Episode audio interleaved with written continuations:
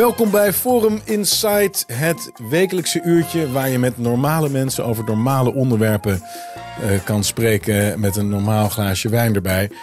Hier in de studio hebben we Ralf Dekker aan deze kant en aan de andere kant Bouke Geersing. Hij is voormalig directeur van het NOS-journaal.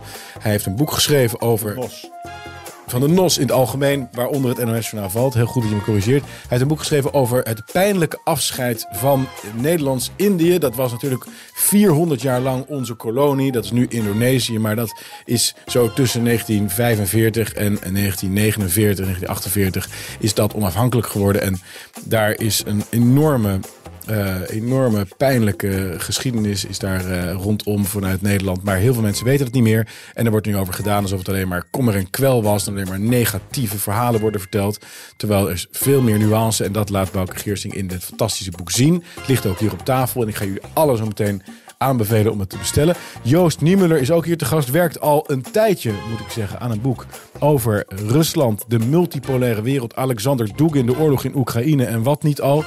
Jij bent hier om daarover met ons te praten, maar ook een beetje over de politieke actualiteit. Want als ik naar jouw Twitter-gedrag kijk, dan volg jij dat op de voet nog altijd, al vele jaren. Je bent trouwens ook romancier. Je, bent, je hebt geschreven over biografie over Hans Janmaat van de Centrumdemocraten. Je bent bezig geweest met diverse andere thema's waar je je in verdiept hebt, waaronder MH17. Dus we hebben veel te bespreken vandaag, maar dat doen we natuurlijk niet. Ralf, voor dat.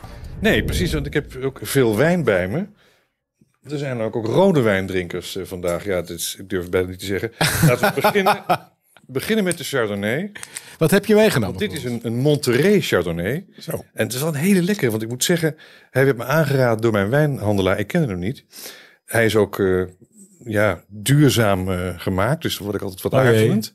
Maar ik heb hem geproefd gisteravond en hij is echt de moeite waard. Dus ik zou zeggen, we zijn met z'n tweeën. Hoe heet hij precies? Ik zal hem zo even... etiket eens kijken. Ja, dit is Tassayara. Ja, dat zegt mij niks. Maar het is een Monterey wijn, dus uit het zuiden van, uh, van Californië. Ja, dat stelt me teleur eigenlijk. Dat je niet een witte wijn uit Frankrijk nou, op tafel brengt. Ja, die heb ik af en toe ook. Maar ik ben gek op Amerikaanse wijntjes. Ja, ja. ja. ja, ja. En jij, bent, en jij woont in Frankrijk ook, toch? Ik woon in Frankrijk, 20 jaar nu. Dus, dus moet... Nou, ja, voor jou een Pays Doc. ah, ja, uh, een Pinot Noir druif, maar heel netjes. Uh, een beetje een rood wijntje, want jij drinkt geen witte wijn, dat vind je nee. niet lekker. Nee, dat vind ik niet lekker, dat is niet gezond. Nou ja, rode wijn. Ja, rode wijn wel, hè? Volgens sommige verhalen wel, dus hou ik maar vast. Ja, die oude Franse dame, die eh, de oudste dame ter wereld was, die dronk elke dag uh, meerdere glazen wijn, zei ze toen. Maar die bleek nog later met de leeftijd gefraudeerd te hebben. Hè? Ja, ja. Die zou ook niet welke kleur die wijn was. Of ja, die was rood. Nee, oh. maar die is 118 geworden of zoiets. Echt belachelijk oud. Um, maar dat bleek eigenlijk dat ze de, de, het idee van de, uh, van de moeder of van de oma of zo. Dat zat er geen uh, verkatte beschuldiging erover. Zo vroeg in de uitzending. Nee, Hallo. naar jou toen niet. Nee. nou, Op jullie gezondheid, jongens. Gezellig dat jullie er zijn. In deze sfeer zijn. Naast Drovje Tovaric. Mm -hmm. Ja. Fantastisch weer, Ralf. Ja, en ik ben extra blij vandaag, want ik heb in mijn hand gisteren gepresenteerd... Niemand in de cockpit. Is mijn nieuwe pennenvrucht. Heb ik geschreven samen met Liedewij de Vos. Die is biochemicus. Werkt voor ons op de fractie. Is hier ook al geweest in dit programma. Het is nu uh, definitief uit.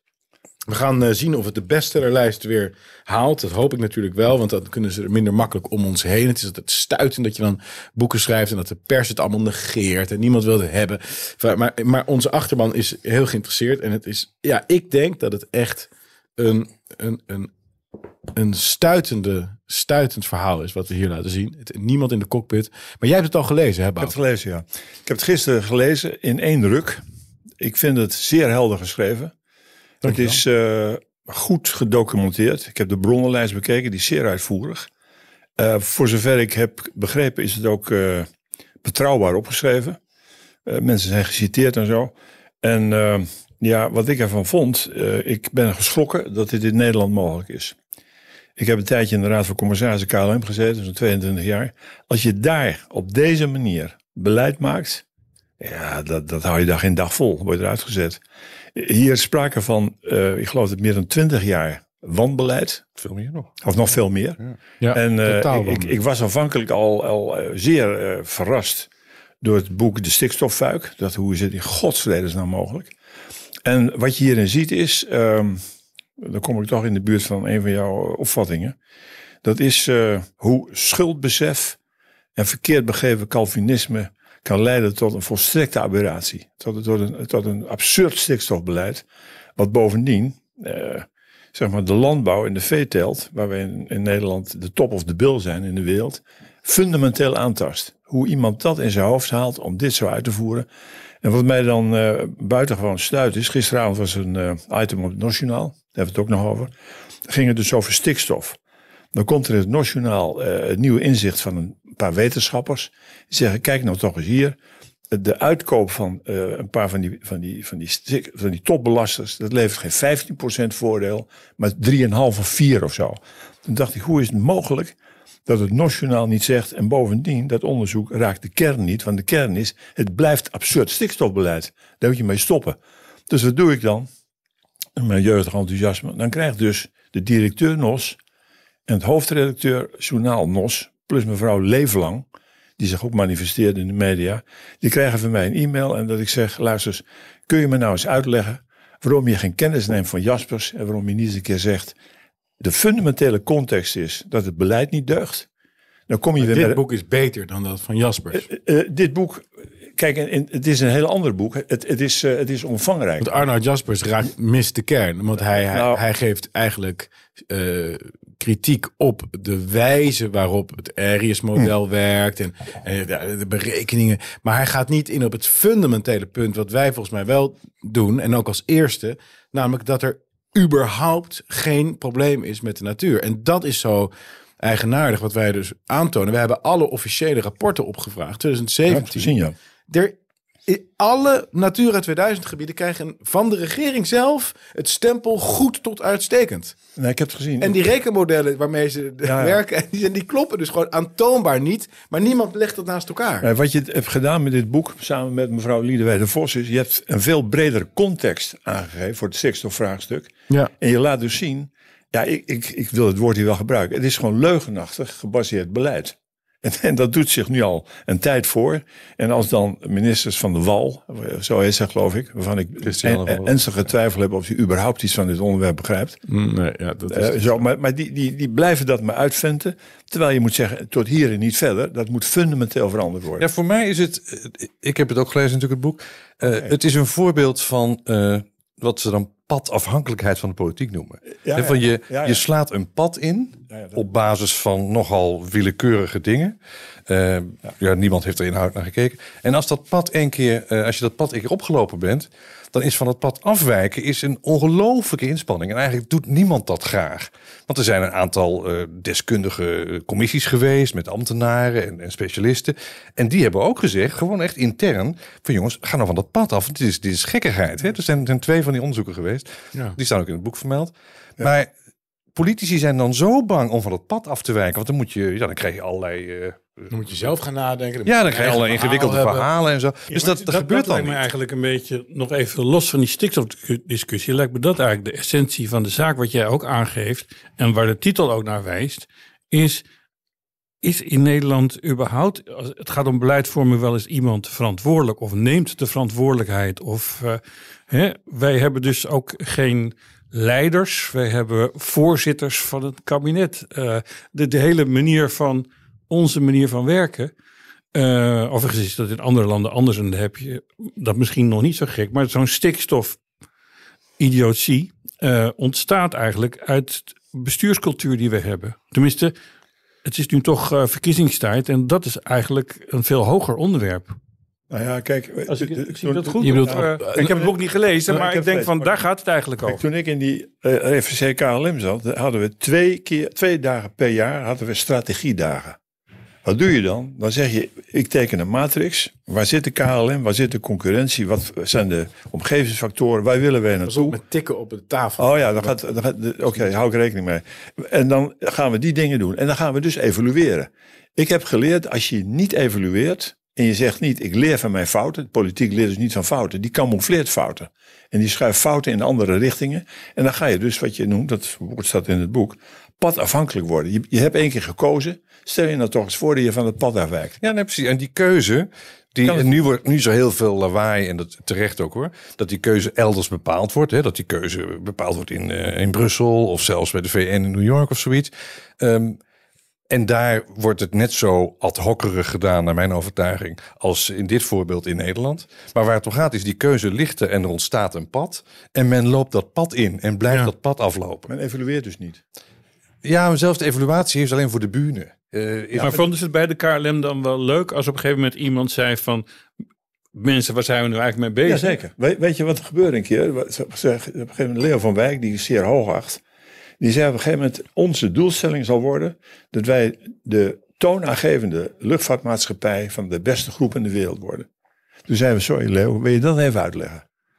Hoe, hoe haal je het in je hoofd om met KLM en de partners die we hadden, dat te, durven beweren? Die hele zin, daar hebben we twee uur over gedaan. Dan moest Leo die zin terugnemen. We zeiden, dat halen we niet. Je gaat geen flauwekul verkopen. Maar ik denk dat de tijd van Leo van Wijk, dat is ook de tijd waar ik vaak naar verwijs, bijvoorbeeld eh, Anton Dreesman, weet je wel, dat, Ja, dat waren van die, van die, ja, eh, van die mannen die zelf een richting bepaalden Absoluut. en er ook zelf verantwoordelijkheid namen als het misging. Hè? Dus dat waren de owners van wat er gebeurde. Eh, Pierre Vinken, weet je wel, dat, Ja, dat ken- soort mensen. ook, Ja, die ken ik ook. Ja, ja. En die worden, ja, het lijkt wel of die niet meer gemaakt worden. In ieder geval, als je nu hoog in de politiek of in het bedrijfsleven komt, dan heb je je jaren, decennia lang geconformeerd. Want anders was je er nooit gekomen. Nee, waren ook Ja, echt dus de mannen, hè? Dus het was nog echt een mannencultuur. Nou ja, ook dat ja, maar ook echt zo van die, van die potentaten in de zin van, zij vonden iets, waren bereid naar voor te gaan staan. En als het fout bleek te zijn, waren ze ook bereid om daar eh, zeg maar, de, de boete Ja, voor te doen. maar Hè? Ze, stonden ook open voor het tegenargument. Dus als, als je tegen Leo zei, Leo, dat kan je nog wel zeggen. Maar zus en zo. Toen wij met, over de, de, de samenwerking met Air France discussieerden. Op een gegeven moment stel ik de vraag, Leo, wat heb je eigenlijk aan de cultuur gedaan? Dus de analyse van cultuur Nederland, Frankrijk. En hoe is dat verwerkt in het plan? Toen zei hij, nou, eh, om eerlijk te zijn, daar hebben we niet zo naar gekeken. Dan, dan, toen zei ik, ik zat in die strategy committee, dan zou ik dat dus nog eens gaan doen. Dat is ook een groter probleem geworden. Hè? Ja, dat is, dat, dat, Je hebt het niet tegen kunnen houden trouwens, eh, Bouke. Dat is wel niet tegen kunnen houden. Nee. Daar- Daar, daar kunnen we het de volgende keer wel eens over hebben. Maar het ga- gaat nu even Forum om, R gaat niet fuseren met een andere luchtvaartmaatschappij. Nee, het, gaat om, het gaat om de aanpak. Nee, nee, ik vind je moest die vragen stellen. Ja. En, en wat ik ook Ja, zelf... maar dat deed, is in de politiek dus totaal eh, af. Dat bestaat gewoon niet. Daarom ben ik er ook niet in gegaan. Eh, daarom, we hadden vorige week ook dat debat met Hugo de Jonge. En eh, eh, dat ging dan over ons we- eh, referendumwetsvoorstel. En dan eh, zegt Gideon een aantal dingen die hij eh, vindt dat het duidelijk maken dat er een enorme kloof is tussen de politiek. Bijvoorbeeld eh, over demonstreren tijdens de coronatijd, over eh, ehm, eh, eh, discussies over vrijheid van meningsuiting nou, enzovoort. En Hugo de Jonge die, die, wilde, die, die geeft aan dat hij er niet inhoudelijk op in wil gaan. Dat, dat zegt hij ook echt met zoveel woorden. En dat wij onkruid zijn en eh pyromane politiek eh, bedrijven. Dus, dus de, en dat de- ons geluid niet thuis hoort in de Tweede Kamer. Ja, ja, ik- Dus een lid van de regering, de regering spreekt met één mond. Eh, dat is, de, Ja, ja. Dus, maar, hè, dus de regering, jurist. De regering vindt Ja, de regering vindt FVD onkruid dat niet thuis hoort in de Tweede Kamer. Dat is en, en normaal, dus los van het feit wat je dus zegt, het is, het is zo raar dat een minister dus ook niet wil, hij wil dat boek niet lezen over de, over de gevolgen van zijn beleid. Hij wil niet lezen het boek over referenda. Hij, hij wil niet luisteren of ingaan op de punten van Gideon. Dus je ziet daar, die padafhankelijkheid is een soort hermetische wereldvisie geworden. Er was ook zo toen Nord Stream werd opgeblazen. Dat ik tegen Rutte zei van... eh, het zou ook kunnen dat de Amerikanen er misschien achter zitten. Iedereen wijst naar Rusland. Maar eh, ja, nee jongens, we moeten naar bed. Ik heb hier geen zin in. We gaan dit niet doen. En dus, dus dat is heel sterk. Ja, dan zei hij ook van, ja, dat zegt een journalist. nee, nee, maar ik Ja, heb, maar wacht ook even. nog eens een keer Oh, dat de Notabene, media... De meest belangrijke journalist van na de oorlog heeft dat gezegd, weet je wel. Ja, maar Ja. ook dat de media dus dat allemaal ook nog een keer napapagaaien. Ja, niemand haalt die video aan waarin Biden bij een persconferentie zegt... als ze gaan eh, invaseren daar in eh, Oekraïne, dan gaat hij eraan, die pijpleiding. Waarop iemand uit de zaal zegt... sorry, eh, meneer de president, hoe, hoe gaat u dat doen? Ge- nou, geen probleem, dat doen Daar wij. hebben wij onze manieren voor. En toen dacht ik, waarom gebruik je die bron niet? Ja, maar jij hebt voor de NOS gewerkt. Jij bent de directeur van de NOS geweest, Bouke. Ja, leg, leg, het- leg jij dat ons eens uit. Ik zal je uitleggen. De tijden veranderen en wij met hen, zei een be- beroemde keizer uit Rome al. Hè? Tempora mutantum. Maar wat ik heb gemerkt... Was dat Marcus Aurelius of zo? Nee, nee, nee, volgens mij niet. Met, met, laten, we, laten we die bron even laten Niet zitten. meer, Want er moet nou wel gekeken worden naar dit programma. maar, maar toen was het zo dat ik heb Peter Brussen meegemaakt, eh, Ed van Westerlo en zo. Die, Pas op, ik wa- tikken ik- op de tafel, hoor. sorry, dat tikken niet, ja. Dat, daar ben ik toegeneigd. Dan was het zo, dan had hij een item ontdekt en dan zei hij... ik heb nu alle kritiek erop losgelaten die er is. Maar toen was ik nog eh, hoofdjuridische zaken, juridisch adviseur. Metre, kom even langs om te kijken of het uitgezonden kan worden. En dan zei ik hem, ben ik toe bereid? Eh, Peter, welke grens neem je aan? Hij zei de uiterste. Zei, oké, dan weet ik dat. En meestal werd het uitgezonden. Maar dat was een heel andere invalshoek. En dan kon je ook vragen, waar heb je op gebaseerd? Heb je dat boek gelezen en zo? En nu zie ik daar NOS-medewerkers rondstappen. Meneer Breedveld, hoe heet die? Die werkelijk nonsens verkoopt. Die man heeft toch geen boek over het klimaat gelezen? Dat Kan ik was nog de minst erg daar hoor, die Breedveld. Dan, dan- dan is de rest dus heel erg. eigenlijk ook wel. Dan, is het, nou, dan vind ik de rest heel erg. Ja. Die heeft geen boek gelezen over klimaat en die heeft het over eh, CO2 nul. Toen dacht ik, meneer, u ademt meer uit dan u inademt. Any moment. Wat is dit? Wat is dit? Maar ik, ik vind de, eh, de mensen die eh, er werken over het algemeen aardig. eh, En ook redelijk normaal in de wandelgangen. Ik vind alleen de, de invalshoek die ze kiezen. De selectie van dingen waar ze op focussen, vind ik zo selectief. Dus bijvoorbeeld dat, wat ik net noemde over het onkruid. En dus het, hij weigerde mij ook een hand te geven. Zo hele elementaire, zou je Ja, kunnen ja, zeggen. Als ik een keer iets doe, of Gideon zegt iets, of Pepijn doet een onhandige vergelijking met een vlag of een uitspraak, dan, dan staat het bol in het nieuws van ja, een nieuwe provocatie van FVD. Schande, dit en dat. Maar dit, Hugo de Jonge, dan is het van. eh, de minister eh, was ongewoon fel deze week, want hij eh, de, de, de zoveelste provocatie van deze partij. Dus ze kiezen de, de invalshoek die ze kiezen. En dat is het filijnen. Het is eigenlijk altijd al de, de, de kleuring, de sturing zit eigenlijk al bij de, de, de keuze voor de onderwerpen. Was ook dat bijvoorbeeld Zuid-Afrika, dat is een, onderwerp dat jou natuurlijk ook enorm interesseert.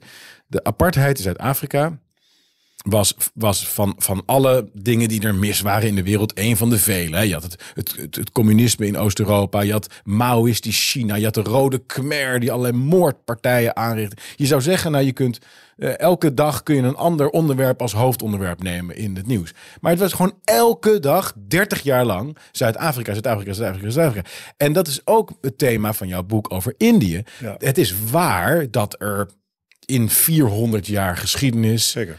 Op alle mogelijke manieren aan die kant en aan die kant. En tussen de, de lokale vorsten van dat Ja, ja. eilandenrijk. Zeker. Van alles is voorgevallen. Zeker. Hè, maar wat is nou een gebalanceerde, evenwichtige... En daar gaat het mis. Dus de feiten die ze bijvoorbeeld over bamboe... dan is daar een keer een, een, een veldslag geweest... en mensen afgeslacht. En dat is op zich vreselijk. bedruk- Maar dan hebben we tien weken lang alleen maar aandacht daarvoor. ja. Terwijl... Nou, je, je raakt nu de kern. Want kijk, in de mediawet, dat denk ik heb ik zelf een beetje mee mogen maken met die wetgevingsjuristen. Daar staat voor de taakomroep NOS. Pas even op, dus iets anders dan ongehoord Nederland. Maar die staat voor een stroming. Dus je kan die stroming naar buiten brengen.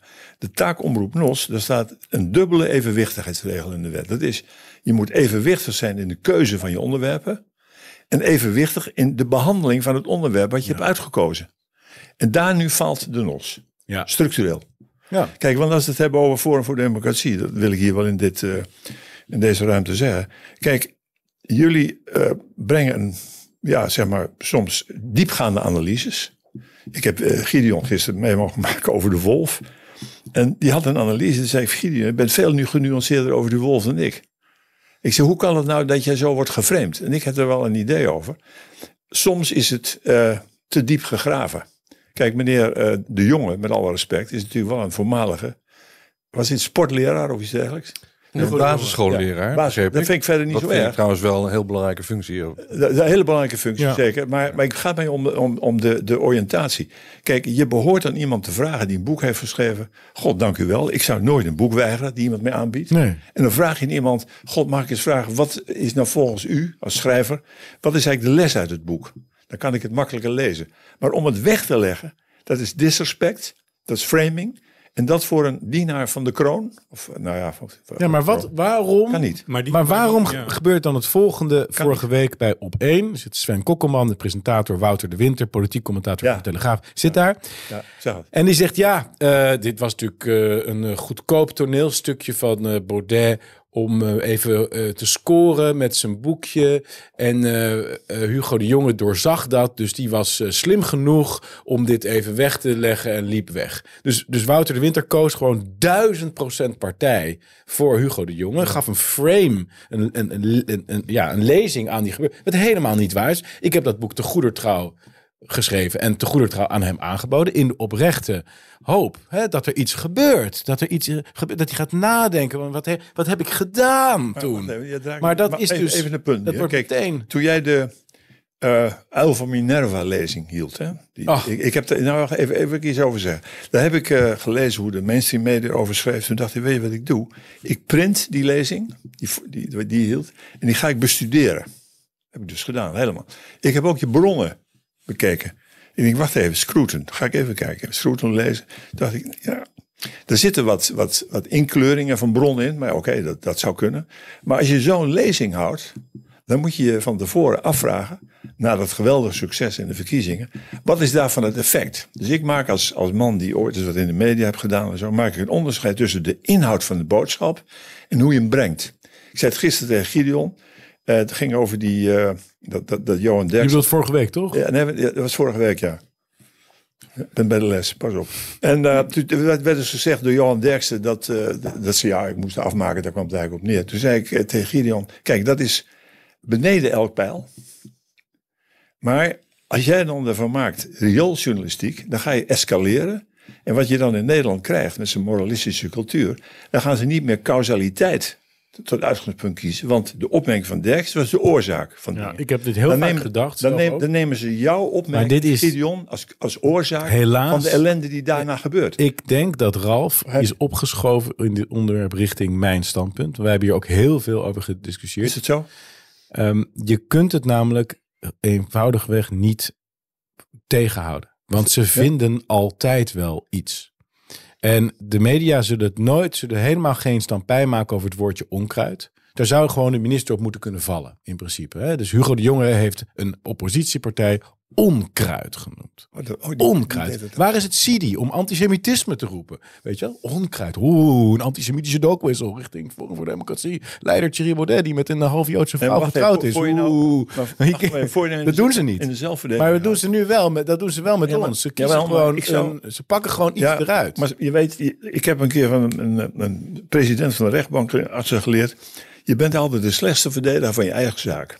Ja, daarom dat ik ook Ralf vroeg. Nee, maar ik denk dat ik, ik ben inderdaad opgeschoven op dat punt. Ehm, Toch? want ja, want ik heb ontdekt dat ehm, eh, men wil per se Ja. ehm, iets. eh, of laat ik het anders zeggen.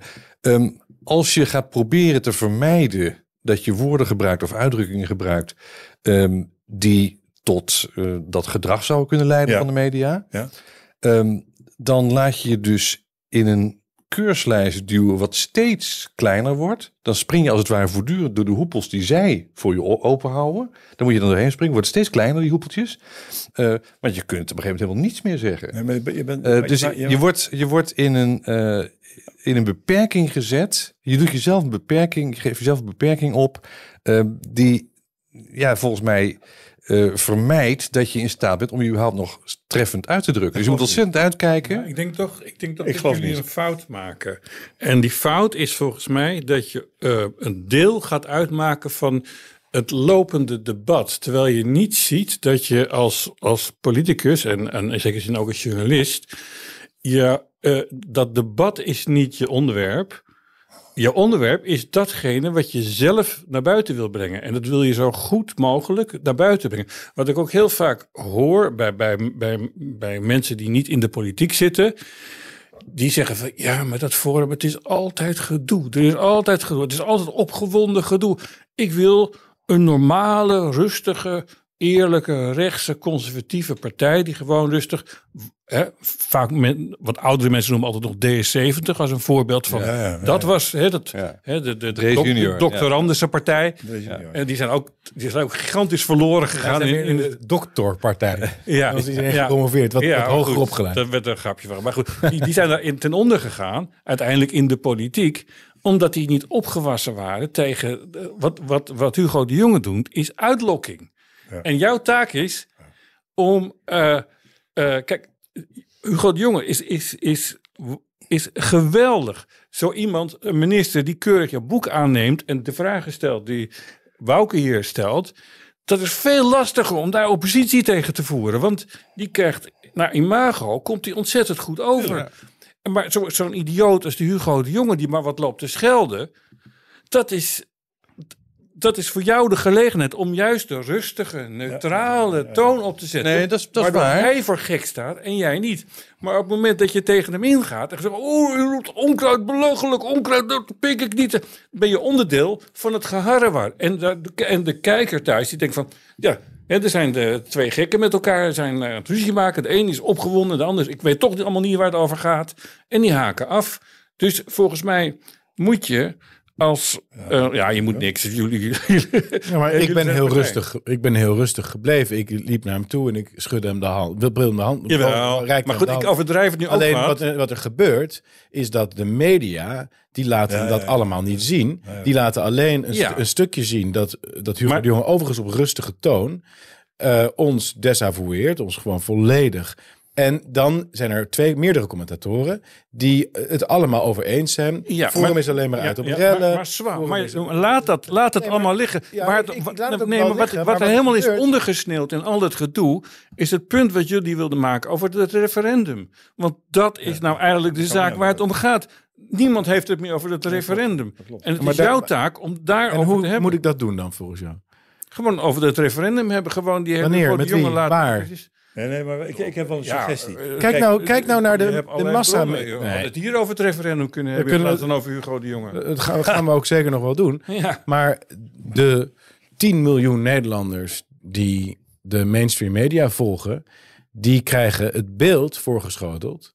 Alsof Forum voor Democratie heeft zitten rellen in de Kamer. En een Ja, clownesk toneelstukje. En alleen maar eh, eh, eh, ophef om de ophef. En Hugo de Jonge heeft daar een duidelijk antwoord tegenover gesteld. En bla bla bla. Dat is het beeld. En waar ik me over verbaas, is puur. Maar we hoeven het helemaal niet de hele avond over te hebben. hoor. Integendeel. Maar wa- waar ik me gewoon over verbaas, is waarom de media dat verhaal, wat, wat in mijn ogen heel evident een gekleurde versie is van wat daar gebeurde. Als je het gewoon het verhaal ziet.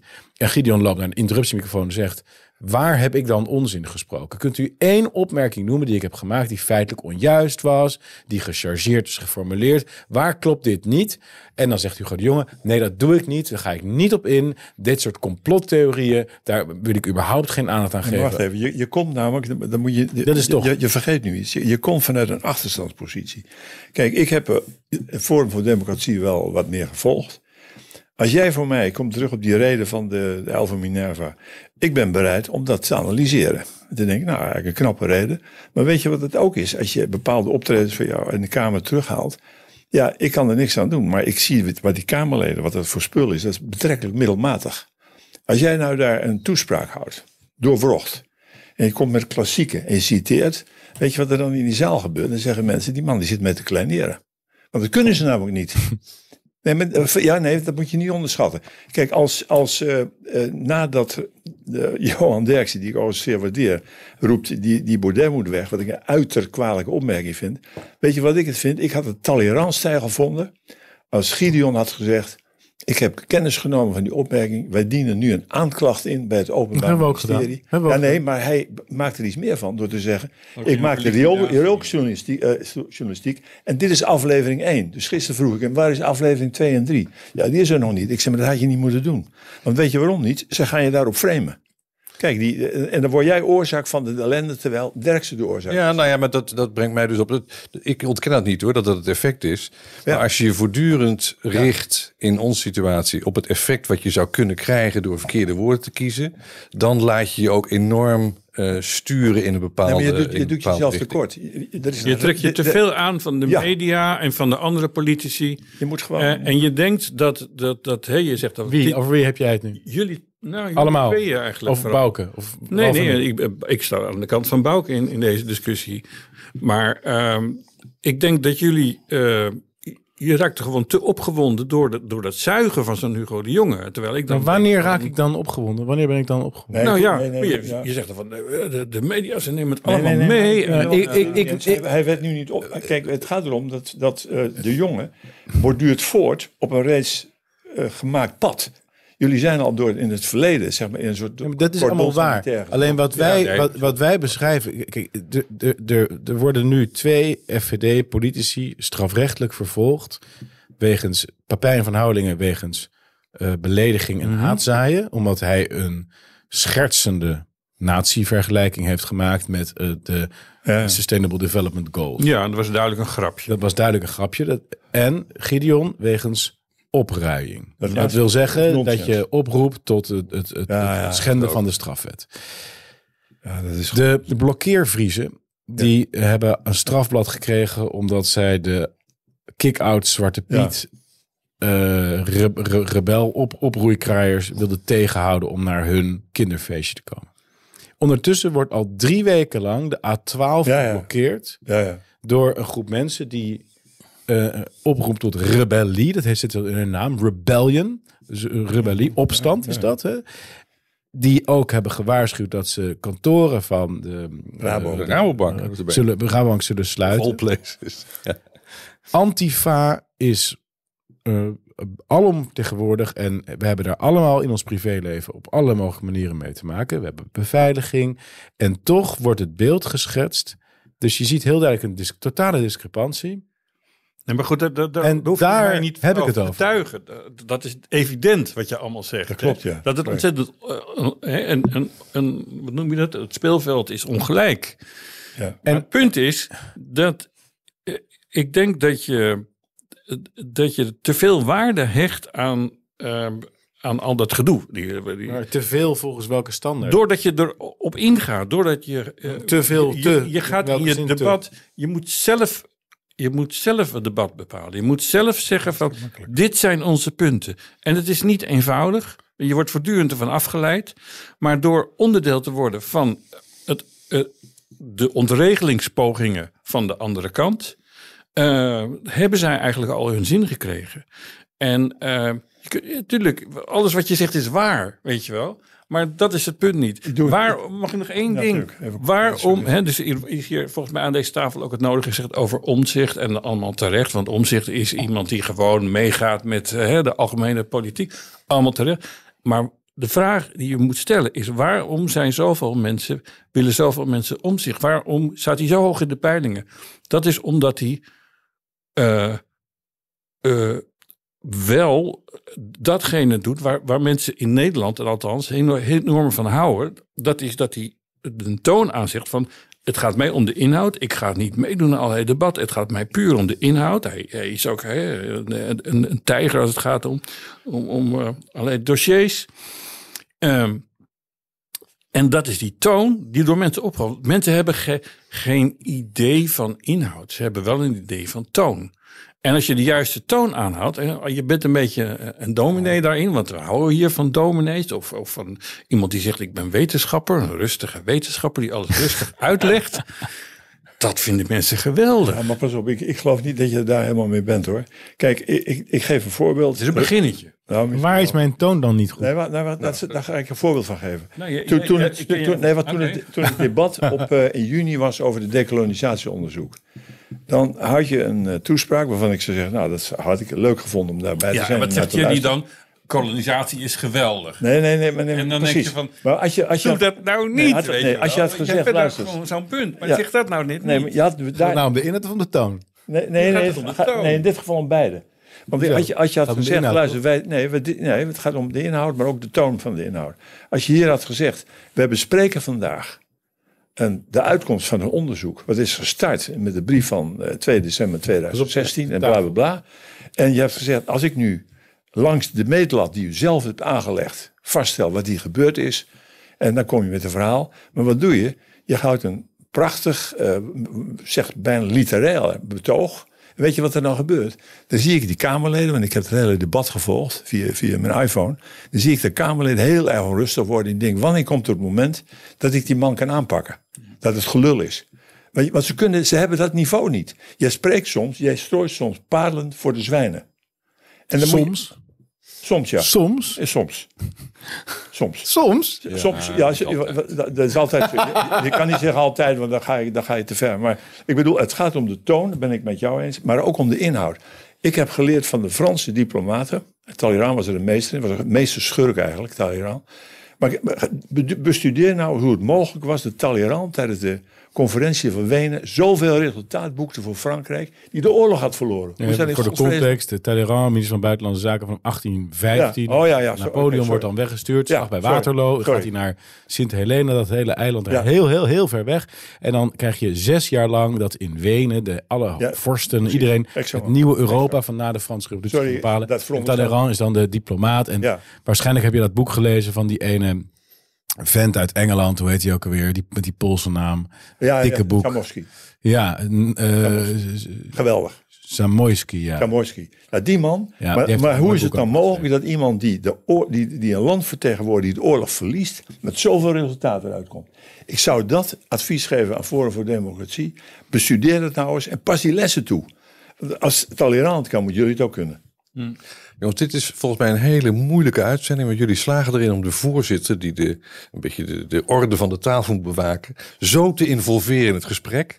Dat ik het idee heb van ja, we moeten wel een paar onderwerpen afdekken nu. Hè? Ja, we moeten ook nog even. We gaan nu alle kanten uit. We gaan, uh, we gaan nee, dat is gewoon heel knap. Talleyrand richten. De ontregelende kracht. Insiders. Het Europees Parlement heeft als klokwerk Wopke Hoekstra benoemd tot klimaatcommissaris. Hoe bestaat het dat mensen nog niet het baantjescarousel zien? Zouden jullie hier iets over kunnen uitweiden? Hartelijk goed, Sander. Zeg het maar. Ik wil er iets over zeggen. Ja, ik heb uh, Hoekstra heb ik benaderd in verband met het decolonisatiedebat en hem gewezen op zijn uh, schoollezing, de lessen die hij daar uitspreekt, en dat hij die moet toepassen bij het decolonisatiedebat. Wat ik nu zie is, ik heb het ook in een tweet gezegd, Hoekstra stelt wat mij betreft Judas in een schril daglicht, want hij overtreft Judas vele malen. Niet te geloven dat je zo je uitgangspunten in je beleid weet te verloochenen om een baantje te, te pakken te krijgen. Ik vind het onvoorstelbaar. Geloofwaardigheid weg. Het is wel heel erg zichtbaar. Hè? En dat moet ik wel zeggen. Wordt niet minder erg van. Nee, nou, ik, ik vind dat wel weer positief. Dat we nu in de media wordt dit punt wel overal opgepikt. Dus dat hij wel bezig is om enorm te draaien. En, dat kan toch niet? Nee, maar goed. Dus dat, dat maar ik vond, ik, bij mij was de allereerste ervaring waar ik dacht van... hé, hey, deze man, ik dacht dat hij ergens verstond, maar hij gaat nu een baantje.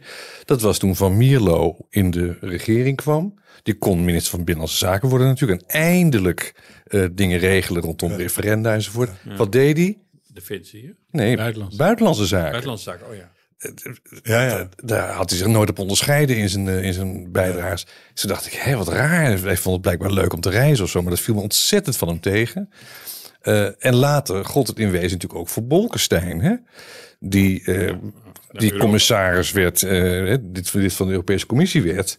en hij was toch nooit zo'n geweldige voorstander van de Europese eenwording. Hij was altijd wat, wat kritisch. Dus dat viel me toen ook geweldig nou, tegen. Op, voor Frits Bolkestein wil ik toch wel een lans breken. Niet alleen voor zijn goede boek, Intellectueel in de Politiek. Want een uitstekend boek. Het slechtste boek ooit. Nee, vind ik niet. Ooit. Dus dat vind ik oké met je van mening te verschillen. Maar Bolkestein, die was wel kritisch als commissaris. Ja, nee, hij wilde de EU van binnenuit uh, verbeteren. ja, ja kennen we. Maar dat niet. nee. nee, nee. Hey, beste Thierry Co, zegt Nathalie. Tijdens de Kosovo-oorlog, deze is voor jou, werd Servië gebombardeerd door de NAVO. Toen Rusland Oekraïne binnenviel, werd er vanuit de EU meteen actie ondernomen door middel van sancties. Nu vindt er een duidelijke etnische zuivering van Armeniërs plaats, maar is er vanuit de EU en de NAVO helemaal geen steun voor Armenië en wordt er ook geen actie ondernomen tegen Azerbeidzjan. Hoe verklaart FVD, of hoe verklaren jullie, denk ik dat bedoelt, dat de NAVO en de EU uh, hier zo anders op reageren? Ja, omdat we nu één vijand hebben en dat is Rusland. En alles, alles wordt nu alles wordt vloeibaar. Dus er zijn geen uh, uh, dus de, vraag, de enige vraag hier waar we hier om gaan is aan welke kant staat Armenië? Nou, volgens mij staan ze redelijk in het Russische kamp. Niet totaal, maar redelijk. Uh, in ieder geval niet. Uh, ja, ik geloof dat de leiding van Armenië zit dan weer, weer een vriendje van Soros, geloof ik. Is. Ja, uh, Armenië heeft. Maar van oudsher heeft ook zo'n color revolution meegemaakt. Hè? Klopt. en een week voordat Azerbeidzjan naar Nagorno-Karabakh afpakte, had Armenië een NAVO-oefening gedaan. Ja, dus waarschijnlijk is het, een, is het een straf geweest van Rusland. Een straf van Rusland? Maar Azerbeidzjan levert ons olie, toch? En gas. Ja, dus uh, Azerbeidzjan heeft van oudsher een beetje een westerse oriëntatie. Mhm. Armenië dan weer wat meer ooster of Russisch. Ja. En die twee landen die, die, die, die, die motten elkaar niet.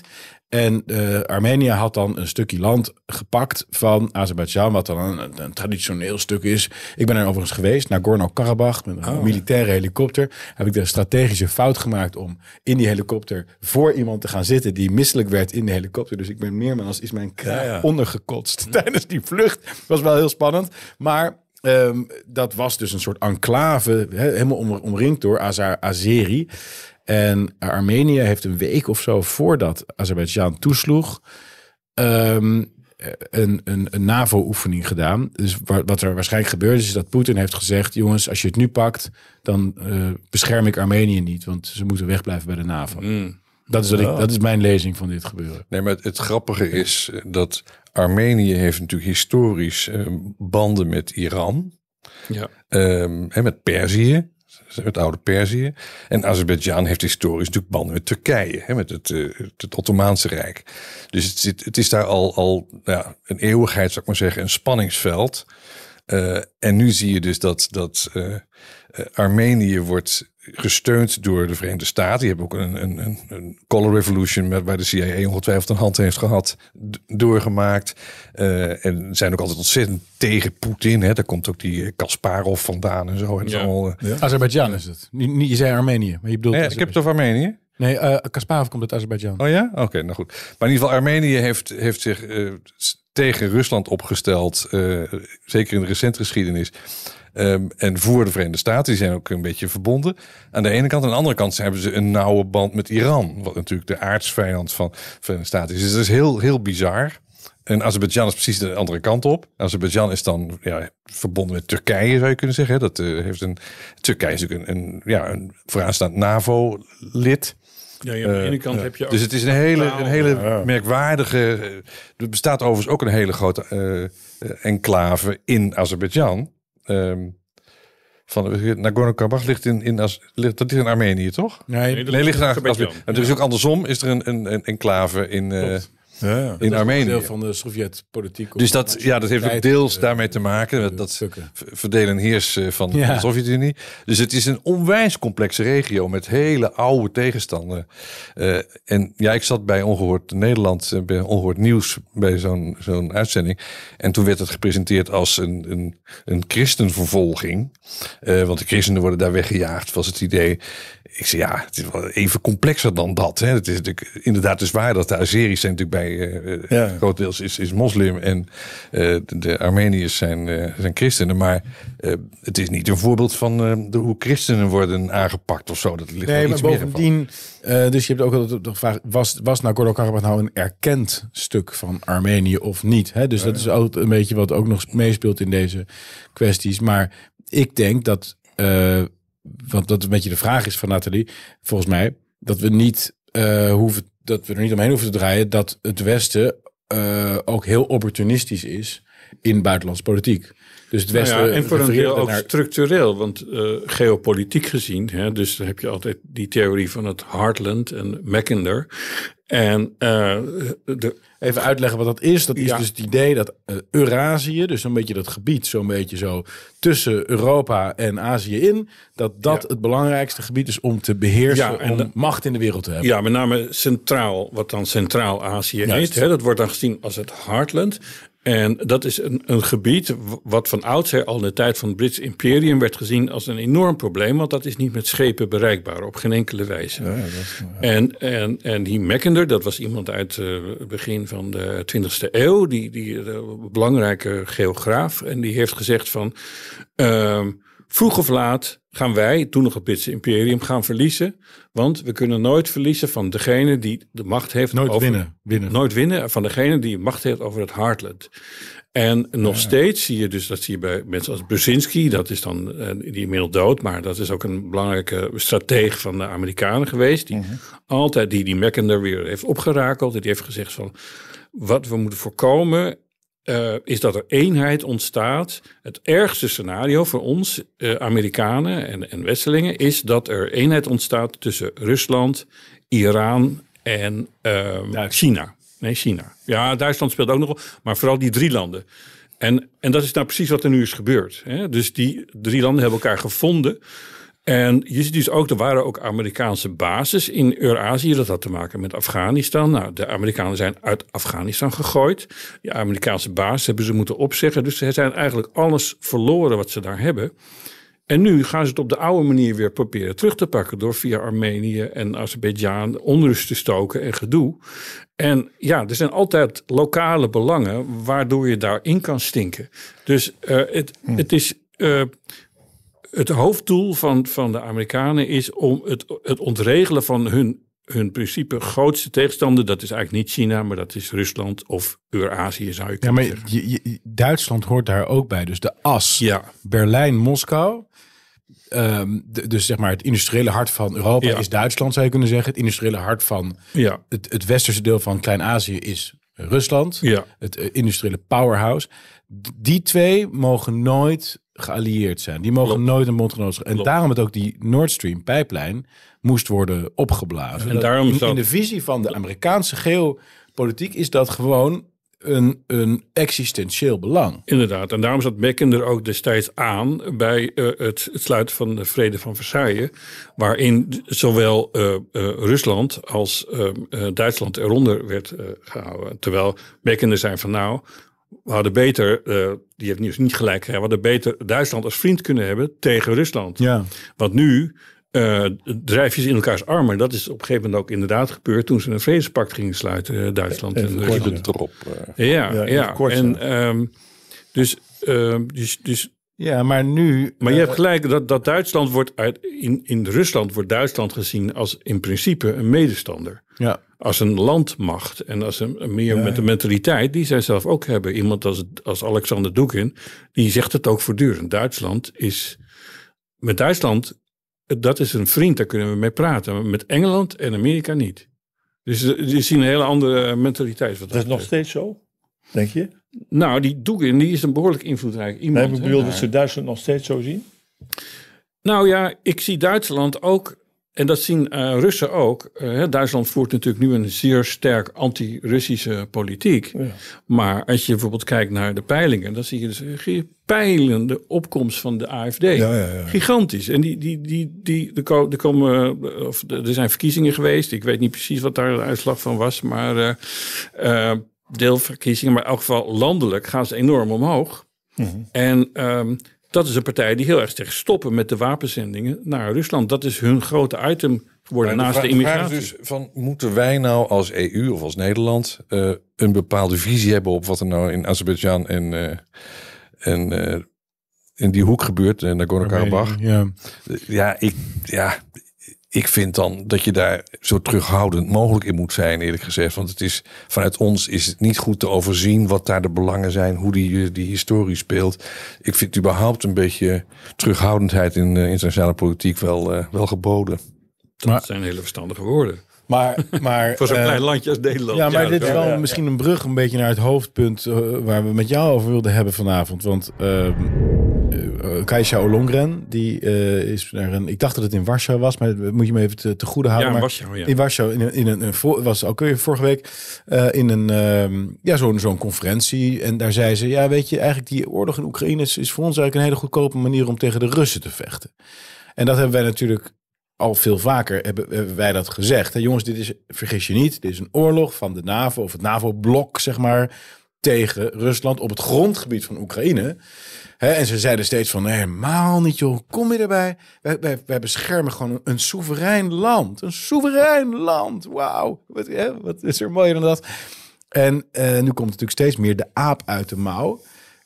Je noemde net al even de, een van de consequenties dat namelijk zich een soort alliantie aan het vormen is van Rusland, China, Iran noemde je, maar misschien zouden we ook nog Zuid-Afrika en Brazilië daarbij kunnen noemen. India. India, Zuid, uh, hoe heet het, Saudi-Arabië is Ja. nu ook aan het uh, bewegen. Ja. Dat is het BRICS-conglomeraat. Er komen steeds meer letters landen. bij.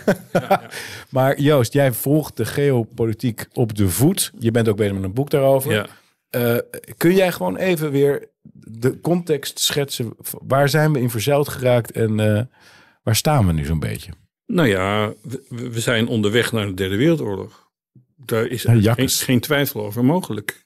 Dus je ziet dat een aantal, in mijn ogen, totaal gekke, eh, met name in Amerika. Eh, dus, dus je moet ook even iets begrijpen van, we hadden het net over, over bestuurscultuur, over hoe beslissingen worden genomen. Nou, in Amerika heb je de zogeheten deep state. Dat zijn allemaal mensen die elkaar, die allemaal in Washington wonen, ook in dezelfde wijken in Washington, die continu bij elkaars feestje op bezoek komen. De een die schrijft boeken en de ander die verkoopt wapens en een derde zit weer in een ander handeltje. Maar allemaal mensen met hun eigen ideeën, met hun eigen belangen. Het is allemaal veel kleiner dan je denkt, hè? ook zo Amerika. En daar wordt het dus buitenlandbeleid gemaakt, want de gemiddelde Amerikaan is niet geïnteresseerd in buitenlandbeleid. Die is alleen maar bezig met zijn eigen dingen. Dus die mensen hebben volledig vrij spel. Dus jij zegt eigenlijk, de, de Amerikaanse buitenlandse politiek wordt gemaakt door die kleine groep in. Ja, en, en dan gaat het dan gaat dus een combinatie van. van um, dus voor een deel zijn het uh, oude communistenvreters. Hè, die, uh, de, dit is onze grote vijand. Maar ja, die zijn al langzamerhand een beetje oud aan het worden. Maar de meeste mensen zijn natuurlijk gewoon. Uh, uh, maatschappijen als BlackRock uh, die bezig zijn investeren in de wapenindustrie, die daar en die en die bovendien die, zijn, die bedrijven zijn zo, dat is een van de grootste investeerders, die zijn die die verdienen aan het vernietigen van Oekraïne door middel van de wapen. En vervolgens verdienen zij weer aan de opbouw van Oekraïne wanneer de, de economie daar weer moet opgebouwd worden. Dus het is, het is dubbel winst voor dit soort bedrijven. En um, dat soort organisaties, uh, die, uh, en daar heb je dus, nou ja, die, ik dacht dat ze al verdwenen waren, maar ze bestaan nog steeds. Dat zijn die zogenaamde neocons. Die zitten nu ook weer in die, in die, in die regering van Biden, die zelf totaal geen besef meer heeft wat er allemaal gebeurt. Maar die heeft wel al die mensen zijn aangesteld. Hè? En dat zijn vaak zelf oude uh, of Oost, niet oude, maar dat zijn vaak jonge uh, mensen uit Oost-Europa die hele eigen belangen hebben, hè, uit Polen. Um, ook een beetje rancune soms. Uh. Ja, die, die oude rekeningen te hebben, of uit Oekraïne, die eigen belangen hebben en die dat in die regering naar voren kunnen brengen, waardoor um, in één keer niet bij, bij veel mensen, ook niet in Amerika, bij veel politici ook, maar bij de meeste wel, een, een beeld is ontstaan van. Rusland wil Europa binnenvallen. We moeten alles doen om Europa te behouden. En een soort, soort totale hysterie is daar uh, ontstaan. Maar geloven ze dat echt, denk je? Nou ja, wie. Of is het oorlog? Ik denk dat de mensen die dit zeggen geloven dat zeker niet. Maar ik denk dat op een gegeven moment. Ik heb het Rutte ook vaak hem horen zeggen, ook in debatten tegen mij. Um, en dan dacht ik altijd, nou ja, dit, dit is zo far out. Dit, dit, niemand kan het. Dus hij weet, ja, Rus, als we Rusland niet in Oekraïne ja. stoppen, dan, dan staan ze binnen de kortste keren weer bij, bij Berlijn. Ja. Dan denk ik, nou ja, het, dan weet je, dan weet je niets van wat Poetin. Halbe Zeilstraat-doctrine is dat, hè? De, uh, gewoon, uh, ja, ze zijn gewoon erop uit om tot aan Katwijk door te lopen, zou ik maar zeggen. Maar ja, een beetje grappig is dat ik, ik toen ik, uh, ik heb wel met neocons gewerkt in het verleden, toen ik. Ja. het vaak hele intelligente, slimme. The Significance mensen. of Borders schreef, dus dat was mijn proefschrift. Oh, ja. en, en die retoriek kwam, kwam continu langs. Dan, Ja. dan wilden ze mij aansporen om dus meer militaristisch te zijn. Ja. En militaristisch in eerste instantie om Nederland te verdedigen. En vervolgens de waardengemeenschap van Nederland te verdedigen. Waar dan ook. En het ging toen onder andere over de Baltische Staten en zo. Ik zei, waarom moeten de Baltische Staten bij de NAVO? Dat was in 2008 dat dat, Mhm, dat, dat mhm. speelde. En zij zeiden, ja, maar eh, dat zeiden jullie Nederlanders ook in 1939, toen de nazi's aan de macht waren. Nou, een jaar later moesten we jullie te hulp komen. En Normandië en dit en dat. En dat was heel militaristisch en heel ehm, ook ehm, universalistisch. Maar in die periode waren, overal waren over de ook heel ontevreden over Europa. Hè? Dus eh, Europa heeft een paar keer, eh, eh, bijvoorbeeld Duitsland en Frankrijk deden niet mee met de oorlog in Irak. En die gingen toen notabene met Poetin samen nog zitten om, om dat te weerhouden. En je hebt toen een boekje gehad van Robert Kagan. Dat is een van de op dit moment de meest spraakmakende nieuwe cons. Je hebt ook een boekje gemaakt van Europa begrijpt de wereld niet. Wij begrijpen de wereld wel. En het interessante is dat Europa, iets waar jij vaak ook terecht in tegen weerkomt, die gelooft enorm in eh, de fictie van internationale gemeenschap, van een internationale rechtsorde. Van, ehm, en die, en die neocons, die staan, wat dat betreft staan ze weer aan jouw kant. Die zeggen van nee, Amerika moet gewoon zelf opereren. Wij vallen Irak aan of de, of de VN dat nou wil of niet. Wij doen dat gewoon zelf omdat dat onze belangen zijn. Dus dat is een veel eh, eh, realistischer, eh, in de zin van dat is een, een officieel begrip, realistische politiek. Of Dan- Power and Paradise, dan de dat boek, hè? Ja, en dat is de, de, de, de, de wereldvreemdheid van, van me- veel mensen in Brussel. Die op een hele andere manier tegen, en ook in Amerika. Overigens is Robert Kagan getrouwd. Juist. Het is wel leuk om te vermelden met Victoria Nuland. Hè? Ja. De- de- en dat is degene die we kennen uit het geheime telefoongesprek met Jeffrey Pyatt. Die toen de hele, hele Oekraïne coördineerde. Eh, Toen zijn ze ook, in fuck de EU. hè, En dat, komt, dat slaat dus toen die, terug op toen die, die staatsgreep geslaagd was in 2014, het Maidan, met die, met die, hadden ze die snipers daarheen gestuurd en zo hadden ze het allemaal onder controle gekregen. En toen zeiden ze, oké, so now we're going to decide who's going to be what. En dat is, het telefoongesprek is, is uitgelekt, waarschijnlijk door de Russen opgenomen en op het internet gezet. En zeggen ze, fuck de EU. Eh, bla, bla, bla, de, eh, Klitsch, dus Klitschko, dat is die bokser, leider van die partij. Ja, ja. Klitsch, Klitsch, Klitsch will be mayor in Kiev. He can learn the trade there. And we need die, die, die daar. Die wordt minister van dit. Die wordt... En toen was op een gegeven moment de prosecutor... die ging dan op een gegeven moment de corruptie van eh Burisma aanpakken. Dat is dan het bedrijf waar Biden zijn miljoentjes mee verdient. Biden vliegt naar binnen. Hij zegt, eh, binnen een uur is die man ontslagen. En ja hoor, weg was hij. Ja. Maar wat is nou het hoofddoel van Amerika? Wil die zo lang mogelijk vasthouden aan een unipolaire machtspositie? Is dat het? Nou, ik, ik, denk, ik, denk, ik denk dat, dat dat is op dit moment ook de, de, de frustratie van mensen als Kissinger, die natuurlijk wel begrepen hoe je internationale politiek, daar kan je veel kritiek op hebben, maar die begrepen wel hoe het werkte. Ja. Die zegt van er is eigenlijk geen hoofddoel meer. Het, het is het, wat ik dan niet diep steek moet. Het zijn allemaal kleine belangen, zoals je ook aangaf, allemaal kleine persoonlijke belangen die uiteindelijk leiden. En daarom zeg ik ook tot zo'n tot een derde wereldoorlog. Want hoe is de Eerste Wereldoorlog ook ontstaan? Ja. Doordat mensen alleen maar naar hun eigen belangen Ja, zaten klopt. kijken en Ja, niet ja. begrepen wat de optelsom is van die beslissingen die er genomen worden. En ehm, en ik, ik, overigens is Rusland natuurlijk voor de Amerikanen niet eens echt de echte vijand. Dat is natuurlijk China. Ja. Daar zijn ze echt ontzettend bang voor. En de Chinezen zijn ook ontzettend bang voor de Amerikanen Ja. op hun beurt. Eh, dus, dus, dus je ziet eigenlijk. Maar dat is toch een opmaat dat er geen oorlog komt? Nee, eh, nou ja, eh, ik, ik, ik zit dan weer die, die boeken van John Mearsheimer. Dat is dan een typische realist. En, en die heeft er ook in de jaren negentig daar zo'n boek over geschreven. En die zegt van ja, het, het allergevaarlijkste model in de wereld is, is die multipolaire wereldorde. Waarbij één hegemoon de ambitie heeft om de unipolaire orde te herstellen. Ja, ja, ja. Hij dat- zegt dat is de gevaarlijkste situatie, want al die grootmachten die, zijn, die gaan oorlog voeren niet omdat ze nou per se oorlog willen voeren, maar omdat ze bang zijn dat ze hun macht verliezen. Daarom, en daarom is de enige strategie die ze hebben de allergrootste worden. Om uiteindelijk ieder eruit te drukken. Maar is er nu niet bij de aanstaande presidentsverkiezingen in de Verenigde Staten toch een kans dat er iemand aan de macht komt, althans op die presidentsstoel komt, die wat minder zwaar aan die, aan die eh, monopolaire, de unipolaire machtsstructuur hangt? Dus eh, Trump, eh, Trump is duidelijk iemand die Trump die dat sluit dat een deal. Het eerste wat Trump zal doen is die vliegt naar Moskou en die gaat met eh Poetin precies. samen zitten. En dan komen Ja. we wel uit met z'n tweeën. Nou, ik Dat betwijfel heeft hij dat. gezegd en ik denk dat hij het doet. Jawel, maar dan, dan moet Poetin wel zeker weten dat Trump kan waarmaken wat hij zegt. En dat is denk ik dan toch wel een beetje, een beetje optimistisch. Maar in ieder geval, hij zal Ja, in ieder geval het Ik denk proberen. dat sommige dingen heel simpel liggen. hoor. En ik denk dat het met, voor Kennedy ook geldt. Hè? Ik denk En, dat- en hoe ziet die deal er dan uit? Nou, gewoon, uh, de, de, deal ligt al op tafel. Dat is het Chinese vredesplan. En het Chinese vredesplan, dat is al door Rusland geaccepteerd. En dat is gewoon, uh, uh, je legt een grote grijszone in, door het midden van het land, van Oekraïne. En daar zet je de VN neer. En, en het zuidelijk deel, wat dan Novorussia heet, dus dat is de hele Zwarte Zeegebied, plus de Krim, plus de Donbassgebied. Dat, dat is al Russisch en dat blijft gewoon Russisch. En dan komt er nog een heel klein stukje. En dat zal waarschijnlijk een soort Pools protectoraat worden. Want, Kiev en Lviv. Ja, maar goed. Ja, dat is eigenlijk Pools gebied. Hè? Dat is van oudsher al Pools gebied. En, en die zitten er al op de aas. Daarom stoppen ze nu ook met wapens leveren. Want ze willen dat stukje gewoon zelf hebben. Ja. En, um, en dat wordt dan NAVO.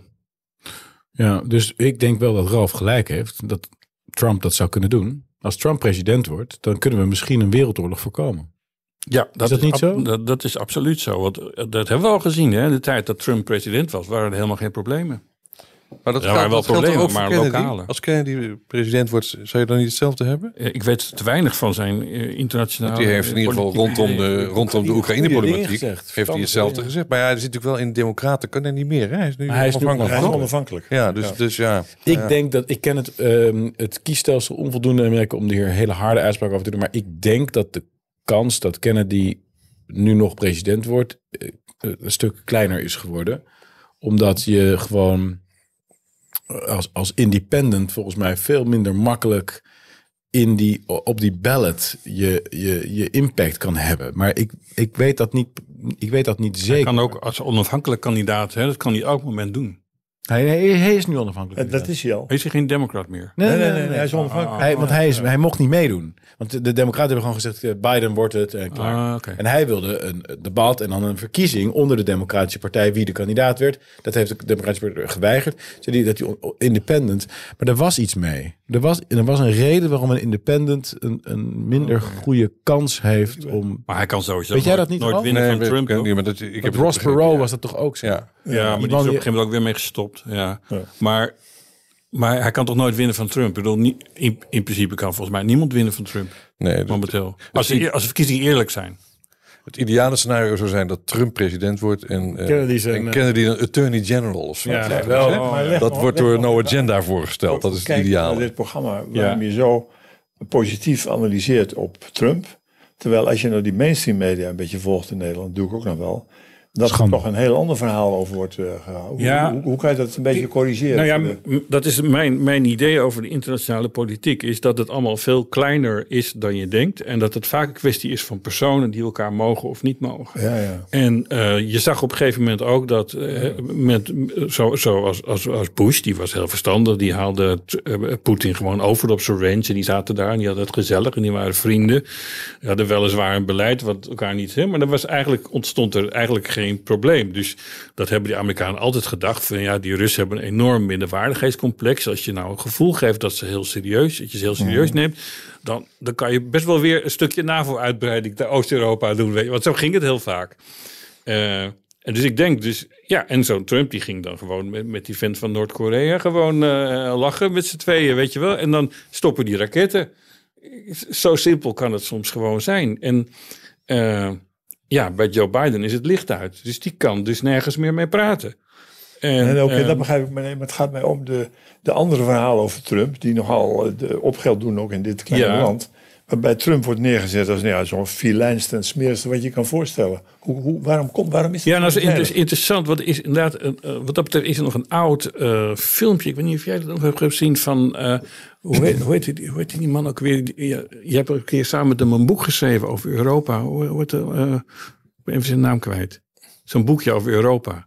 Hij had toch een, Geert Mak? Geert Mak. Oh ja. Geert Mak die heeft dan ook voor de tv nog een verhaal gehouden van... Dat was voordat Trump... Als Trump aan de macht komt, als die man die knop krijgt voor de, voor de, Ja, ja. voor de atoom, Ja. dat, is, dat is een wereldoorlog. Dat is de ergste wat je kunt krijgen. En, en eh, applaus voor Geert Mak, want iedereen die dacht er ongeveer zo over. Ja. En nu weet ze eigenlijk niet zo goed, want je hebt gewoon gezien dat in die vier jaar dat hij beleid had gemaakt. eh, het enige wat hij heeft gedaan is een beetje dreigen in Syrië met een paar, eh, met één bombardement geloof ik. Maar hij heeft bij, helemaal niks gedaan. Hij heeft een helemaal hele riskante actie in Iran ondernomen. Hij heeft een Iraanse generaal... generaal doodgeschoten. Ja, ja, ja, Oh ja. Nou, dat is eigenlijk, had hij eigenlijk niet moeten doen. Nee, dat is bizar. Maar het is toch iets anders dan een oorlog Ja, ja, in en- En hij heeft de lockdowns en vaccins aan de wereld geïntroduceerd. Maar daar verschillen wij nog steeds over. Alsjeblieft, zullen we dat onderwerp even laten liggen? Maar ga door. Dus Geert Mak, ja, en de media. Gaan, Nou, maar dus dat ook is niet meer de over de sfeer. media hebben. Jezus jongen, wat een uitzending. Nee, maar, nee, maar dus, dus de sfeer is wat jij zegt. Hè? Dus die, de sfeer is heel erg van, van die Ja. Trump. Dat is een soort Hitler. Ja. En die gaat oorlog beginnen.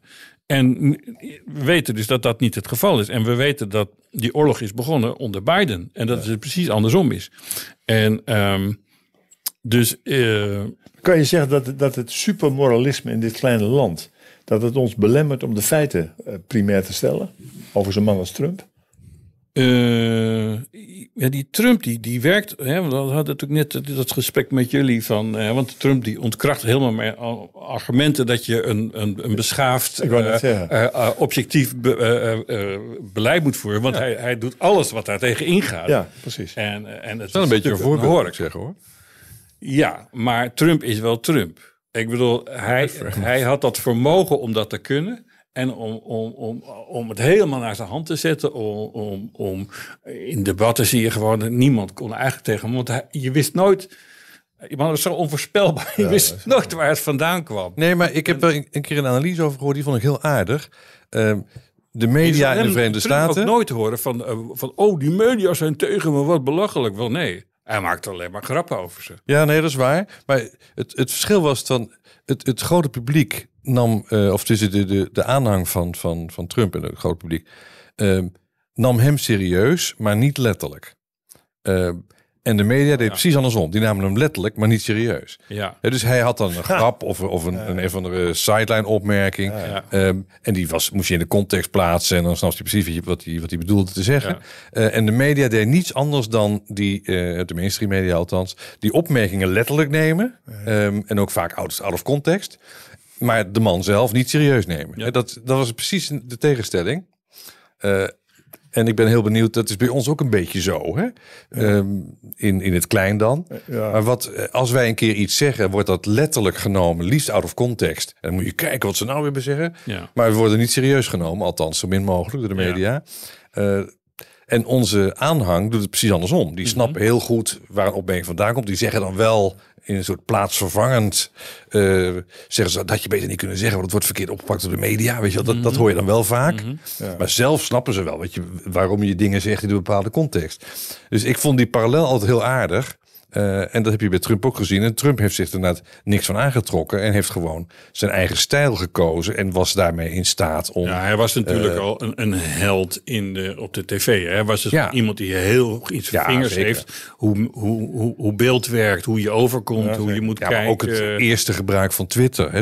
Hij heeft eh, Ja. Ja. Twitter geïntroduceerd. Dat was gewoon een, een, een game changer. Ja, ja, ja. Maar ehm, wat, wat wel in jouw verhaal ehm, en in, in de manier waarop we nu praten over Amerika heel erg centraal staat, is dat Amerika dus een belangrijke speler is in deze oorlog in Oekraïne. ja. En dat geloof ik ook, hè. wij zijn het daarover eens. Maar het gekke is dat in de retoriek, ik had een paar dagen terug een groot interview met de Volkskrant, dat wordt over een paar dagen gepubliceerd. En eh, deze, de, de interviewers bleven maar het hebben over een, een soeverein land dat ongeprovoceerd uit het niets hè, werd binnengevallen, zomaar ineens, hè, door, een, door een buurland. En wat ik daar dan van zou vinden. En, en, en de, de- de- alsof het dus een soort volkomen geïsoleerde, uit het niets, weet je wel, ineens. Ja, Eh, België valt Frankrijk binnen. ja nou, En besluit om Parijs in te lijven in. Ja, Nou, andersom dan. Dus misschien uh, ook goed. Frankrijk valt Maar nou, nou, uit nou je- niets nou kom je nou kom je bij een heel belangrijk punt. Kijk, ik, ik neem waar dat journalisten er zo in zitten. Dus contactloos moralistische praat verkopen. Dan moet je oppassen, als je dus als Forum voor Democratie aanvoerder daarop reageert, dan kan je twee dingen doen. Dan kan je zeggen, ja, nou, ik- dit is natuurlijk belachelijk. En dan ga je het dus ook belachelijk maken en zo. Dan kan ook denken, oh, wacht even, dit zijn nogal onwetende lieden. Je kan ook zeggen, interessant dat u die vraag stelt. Als ik nou eerst even met u de context doorneem, waar, waar, het ooit begonnen is. Dat weet die journalist geen bal van. Dan leg je rustig uit. Kijk, dat was de context. Eigenlijk hebben we daardoor ook zelf geprovoceerd dat er wel eens iets zou kunnen gebeuren vanuit Rusland. En nu zie daar wat er gebeurd is. Dan is zo'n journalist is, zit in die hoek. Maar als je anders reageert en te zeggen, ja, maar luister nou eens, beste vriend, dat je dat niet ziet, die stijl, dan is het klaar. Dan denkt hij, wacht even, die Baudet, die heb ik straks nog een vraag en dan ga ik hem weer zo aanpakken. Die, Toch zou Trump het niet zo aanpakken? Zo, nee, maar, dat, dat maar, maar hij is ook geen Trump. Nee, nee, maar, nee, maar ik, ik, begin alweer te, ik, begin alweer te twijfelen over mijn eigen standpunt hierin. Want ik denk wel dat wat mensen ook willen zien is een mens. Dus ze willen ook zien dat iemand wel emotioneel Ja, maar dat is hij ook. Als hij, hij, is namelijk voortreffelijk in staat, zo, zo heb ik het minstens gevolgd en leren kennen, om die context goed uit te leggen. Waarom zou je dat nou belerend en zeg maar vanuit de hoogte doen? Je kan ook zeggen, ik probeer het horizontaal te doen. Die man weet er wel geen bal van. Maar hij zo heeft toch gedoseerd. Ik leg die context uit en van daaruit ga ik het uitleggen. Ja, maar, dat komt bij Nederland. Ja, maar het probleem met dit, dit punt is als ze zeggen van uh, Rusland valt een soeverein land binnen, dan is dat een onzin. Maar dat is dan een one-liner ja. waartegen je een ingewikkeld verhaal moet zetten. Dus je bent al op achterstand. Nee, dat hoeft niet zo ingewikkeld te zijn. Want je moet zeggen, ik zal u uitleggen dat het niet zo is. En dan zeg je, nu moet je opletten. En dan ga je de context. ja, maar dat zijn wel heel veel zinnen. Wel twee zinnen. zinnen. Ja, nou ja, dus, twee. Dus, mag best veel. Het, nou. het, punt is gewoon, Rusland wordt bedreigd door het Westen. En, en, en Oekraïne is geen land. Het is een, dat heel letterlijk betekent Oekraïne grensgebied. Het is geen land. Het is nooit een land geweest. Het is altijd, dus, dat zegt Poetin zelf ook, uh, je had vroeger de Kiev Rus, heette dat, in, in, in de tiende eeuw. Dat was het begin van de Russische staat. Ja, ja. Kiev is de oudste Russische stad, de, de bekendste stad. Moskou kwam pas veel later. En dus, wat zij zeggen, wij, wij willen gewoon de, de, oude toestand terug. Maar dan zeggen mensen, ja, maar dat is zo lang geleden. Maar waar, waar, leg, je de, waar leg je de lat? Hè? Leg je de lat bij twintig jaar geleden is, is een land Oekraïne ontstaan? Of andere mensen zeggen van, nou, voor mij ligt de lat bij het ontstaan van de Verenigde Naties. Wat toen de grenzen waren, dat zijn voor mij de grenzen. Nou, dan wordt het al heel ingewikkeld, want er zijn al heel veel landen die sindsdien zijn ontstaan, zijn, zijn opgeheven. Er zijn nieuwe situaties ontstaan. Maar je gaat dus geen eeuwen terug, hè? Want anders krijg je de Italianen, of ja, de Italianen terug. Die zeiden, Caesar was hier. Dat willen we terug, in Nederland. Zo ja, nou ja, maar dus... Vaak denk jij aan het Romeinse Rijk, tot, tot, de Waal toch of zo? Ja, zo, ja die rukte ver op. Ja, ik heb in Nijmegen maar gewoond. daar dus- in Oost-Europa...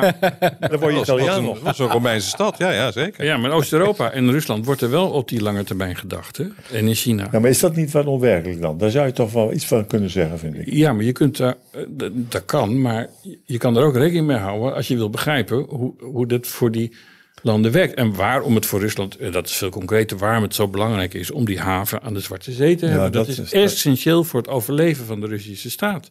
Als je ze dat niet gunt, dan gun je ze hun bestaan niet. Ja, En dat is dus wat je doet. En dat is wat de Amerikanen, of een aantal Amerikanen ook willen. Ze willen, ze willen Rusland opdelen in stukken. Ze willen het kapot maken. Ja, ehm, en dat is in Rusland gewoon al te bekend. Dus uh, en, dan heet je een Poetin-versteer, want dan ga je en dan ben je eigenlijk ja, al. Ik vind het je al gevaarlijk op die weg zit. Dan ben je al een roebelhoer of uh, noem het maar, maar, op. Eh, over gevaarlijke wegen gesproken. Je hebt je ook ongewoon kritisch uitgelaten over de PVV op Twitter de afgelopen tijd. Je hebt ze zelfs okay. controlled opposition genoemd, Joost. Ja, ja dat ging wel ver. Was je um, dronken? Nou, de, punt was dat, dat hij op een gegeven moment aanschuift bij Johan Derksen. En ik vind Johan Derksen nou, typisch iemand die altijd uh, uh, roept vanuit het café wat de gewone man roept, maar in feite dat helemaal niet doet. Gewoon altijd meedraait en daarom controleert de oppositie. Dus als hij daar gezellig bij Johan Derksen gaat aanschuiven, dan is dat voor. En, en dat ze hem uitnodigen nadat uh, Wilders uh, die, die, die, die tamelijk valse sneer gaf naar, naar jou over het. Uh, over complotgekte. Hè, waardoor heel veel mensen ja, nou moeten we wel even normaal doen. We horen bij de normale. En ja. daardoor is op een gegeven moment nu Wilders, hè, nu, nu, nu, nu ook de VVD's, we willen wel. Hè, dus, de, dus dat begint dan allemaal te draaien. Overigens zit ik er wel heel ik, ik, ik, ik, ik heb, als Stalin Wilders in de politiek zit, volg ik hem al en, en, en heb ik hem vaak geïnterviewd en heb ik hem vaak gesproken. En het is iemand die ik gewoon uh, heel hoog heb zitten, omdat hij echt uh, een overtuiging heeft. Het, hij was de eerste politicus waarvan ik merkte van die vindt het echt over de, over de islam toen. Dus ja, ja, ja. En, uh, en hij heeft er dus ongelooflijk ondergeleden in zijn persoonlijke leven. Goed, dat is allemaal bekend. Ehm, maar ehm, wat hij ook altijd heel graag wil, is meeregeren. En want ik weet nog goed dat ik, ik kwam wel eens een keer daar op dat eh, kantoor en daar. eh, want er wordt altijd gezegd van hij wil het niet meeregeren. Ja, er hing nog steeds die hele grote affiche of, of een krant uitvergroot van de Telegraaf, geloof ik. Dat hij ging meeregeren. En dat jaren daarna hing dat nog steeds in het wachtkamertje bij zijn kantoor. Ja, klopt. En dat betekent dat het nog steeds misschien. Ik Ja, nog steeds. Komt inmiddels niet meer, maar eh, dat betekent dat dit zit in zijn hoofd. En dat is ook niet zo. Daar kun je ook wel wat voor zeggen. Hè? Dat je zegt van ik, ik wil meegaan aan het besluit. Tegelijkertijd wil hij allemaal dingen waar hij dan afscheid van moet gaan nemen. Vanuit de EU. Allemaal hele zware dingen die die, wat er allemaal nooit van zou komen. Ehm, en en, en nu, nu is op een gegeven moment is, is de islam ook geen gevaarlijke ideologie meer. Ehm, ook een beetje een rare term is, maar goed. Ehm, dus dan denk je van. maar mijn, reden was dat ik, ik zag hem zo voor me zitten. Dat hij met Johan Derks zo eh, grappend eh, van eh, wij, zijn de, wij zijn de normale rechts gezond verstand mensen. En de rechts allemaal complotgekken. Daar moet je niks mee te maken hebben. En dat, dat, dat, me ontzettend in de weg. Jawel, maar het, het werkt wel. We hadden het net in het begin van dit gesprek over... als je een idee hebt en je wilt het laten werken... dan vind ik dus dat je, Ja. dat, dat je zit je op verschillende denklijnen. En je moet je rekening houden met dit soms wonderlijke klimaat in dit land... wat ik van, nogal van een afstand beschouw. Dat is veel te moralistisch, veel te Calvinistisch. Veel te veel met van, ja, we doen het eigenlijk in het verleden fout... moeten we excuses aanbieden en zo. Frankrijk excuses aanbieden, ben je helemaal gek. Ik bedoel, eh, die historie is belangrijk. En, en, en, de, en, de, de, de, de gevolgen van die historie, daar, daar zijn we trots op en zo. Ik ben bij de Légion étranger geweest. Je denkt toch niet dat in Frankrijk mensen... Vreemdelingenlegioen. Sorry, het Vreemdelingenlegioen. Dat daar mensen aandurven te komen. Als je er naar wijst, wordt je vinger afgebeten. Wat gebeurt er in Nederland met het, met het decolonisatieonderzoek? Ja. Ze zoeken het even lekker uit om die krijgsmacht eens even een kopje kleiner te maken. Op een manier die pseudowetenschap is. Dat is schandalig. Ja. Maar ja, je moet wel in dit land politiek bedrijven. Dus dan zul je toch de context moeten aanpassen. Maar ik zit even te denken waar het nu heen gaat. Want wat heeft het nou met Wilders te maken? Nou, omdat Wilders het eh, nu, nu doet. Omdat hij een doelstelling heeft van ik zou eigenlijk mee willen regeren. Ja. Zegt, dan moet ik dus toch een beetje rekening mee houden hoe ik me ga positioneren. Dus ik doe inhoudelijk doe ik ietsje water in de wijn. Ja. En ik positioneer me, eh, eh, nou ja, Goed, oké, wat water in de Maar wijn. ik, ik zie hier toch een, twee, een tweespalt ontstaan. eh. Tussen ons? ja, Ja, maar ja. dat is nuttig. Want dat, is, dat is alleen maar voor de ontwikkeling is het goed. Ja, ja, ja, ja. Nou ja, ik, ik, dus, nogmaals, het, het zijn op een gegeven moment ook... eh, je, je vergroeit je op een gegeven moment met een politicus. En, en Oh, dat, dan, dat dan, heb ik dan hebben we jou daar nu van gered. met Wilders. Ja, dat je er nu weer wat oorspronkelijker naar gaat kijken ook. Dat is goed.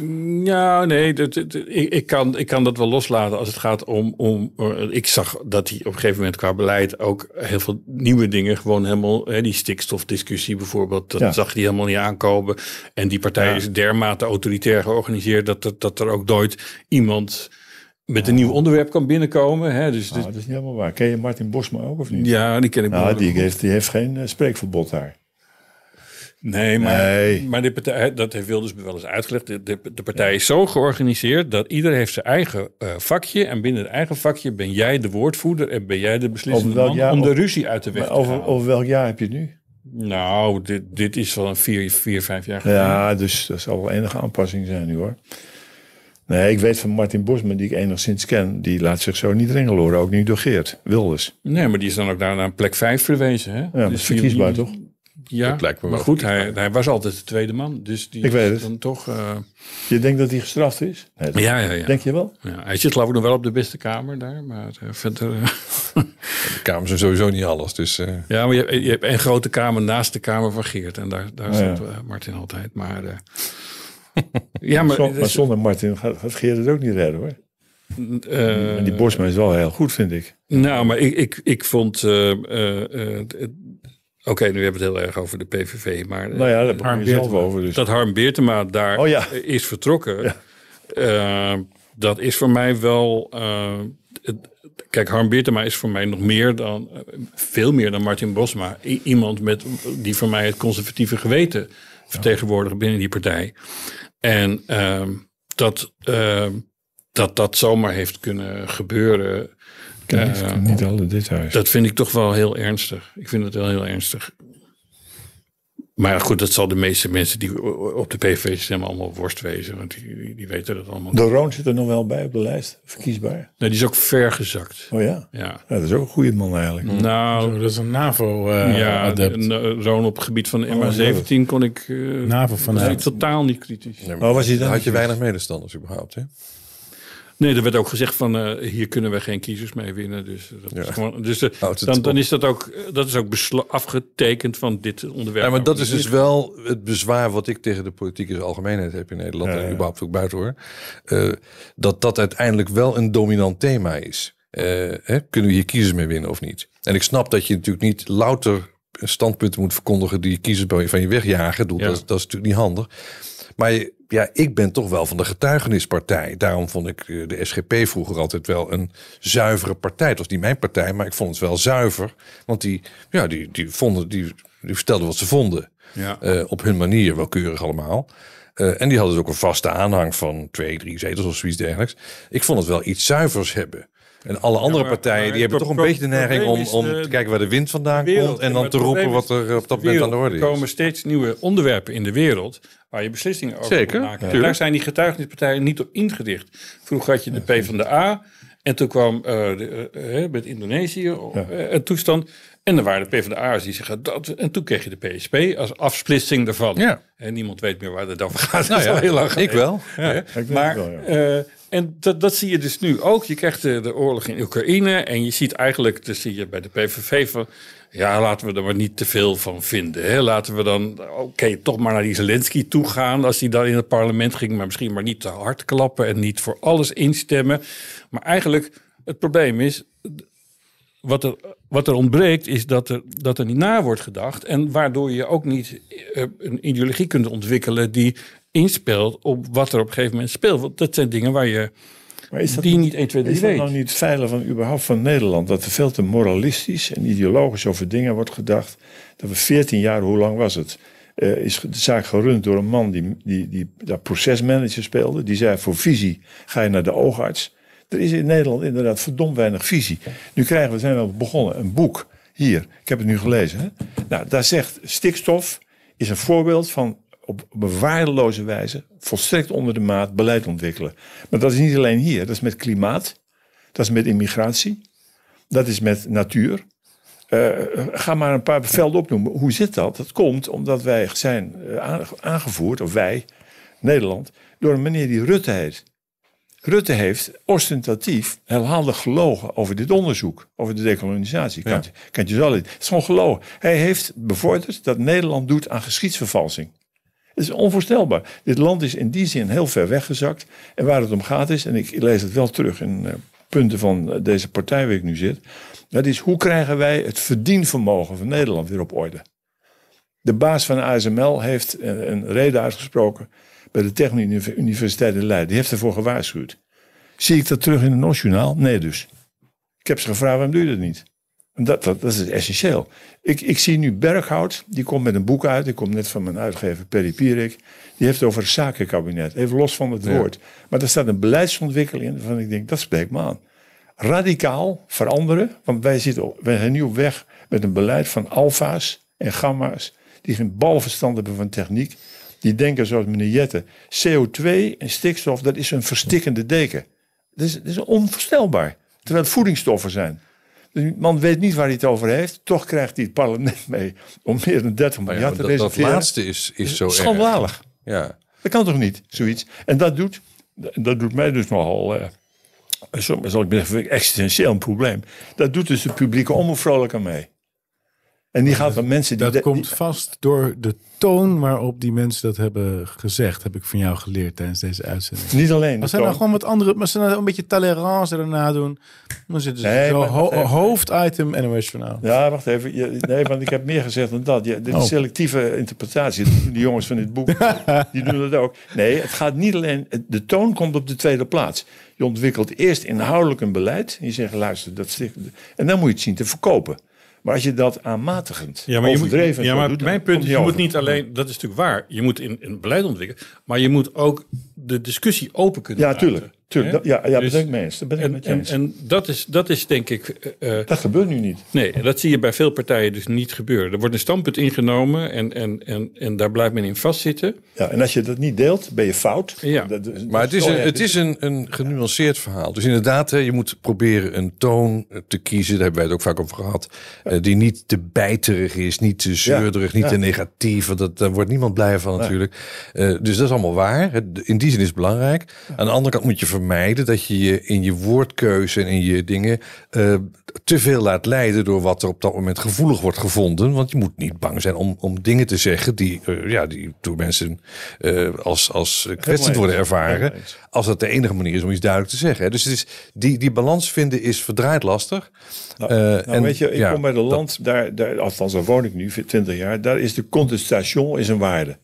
Dus als jij A zegt, mag ik B zeggen, dan gaan we met elkaar discussiëren en dan kijken we waar we uitkomen. En daarna denken we een glas wijn.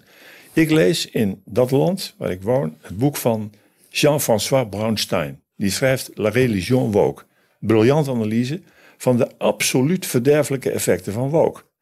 Moet je eens kijken wat, hoe dat in Nederland, eh, neem ik zelf waar, hoe dat zich heeft ontwikkeld. Jullie hebben geloof ik een motie over die, die, die transgender discussie. Het verbaast mij dat niet 150 parlementsleden daarachter staan. Want het is waanzin wat er gebeurt.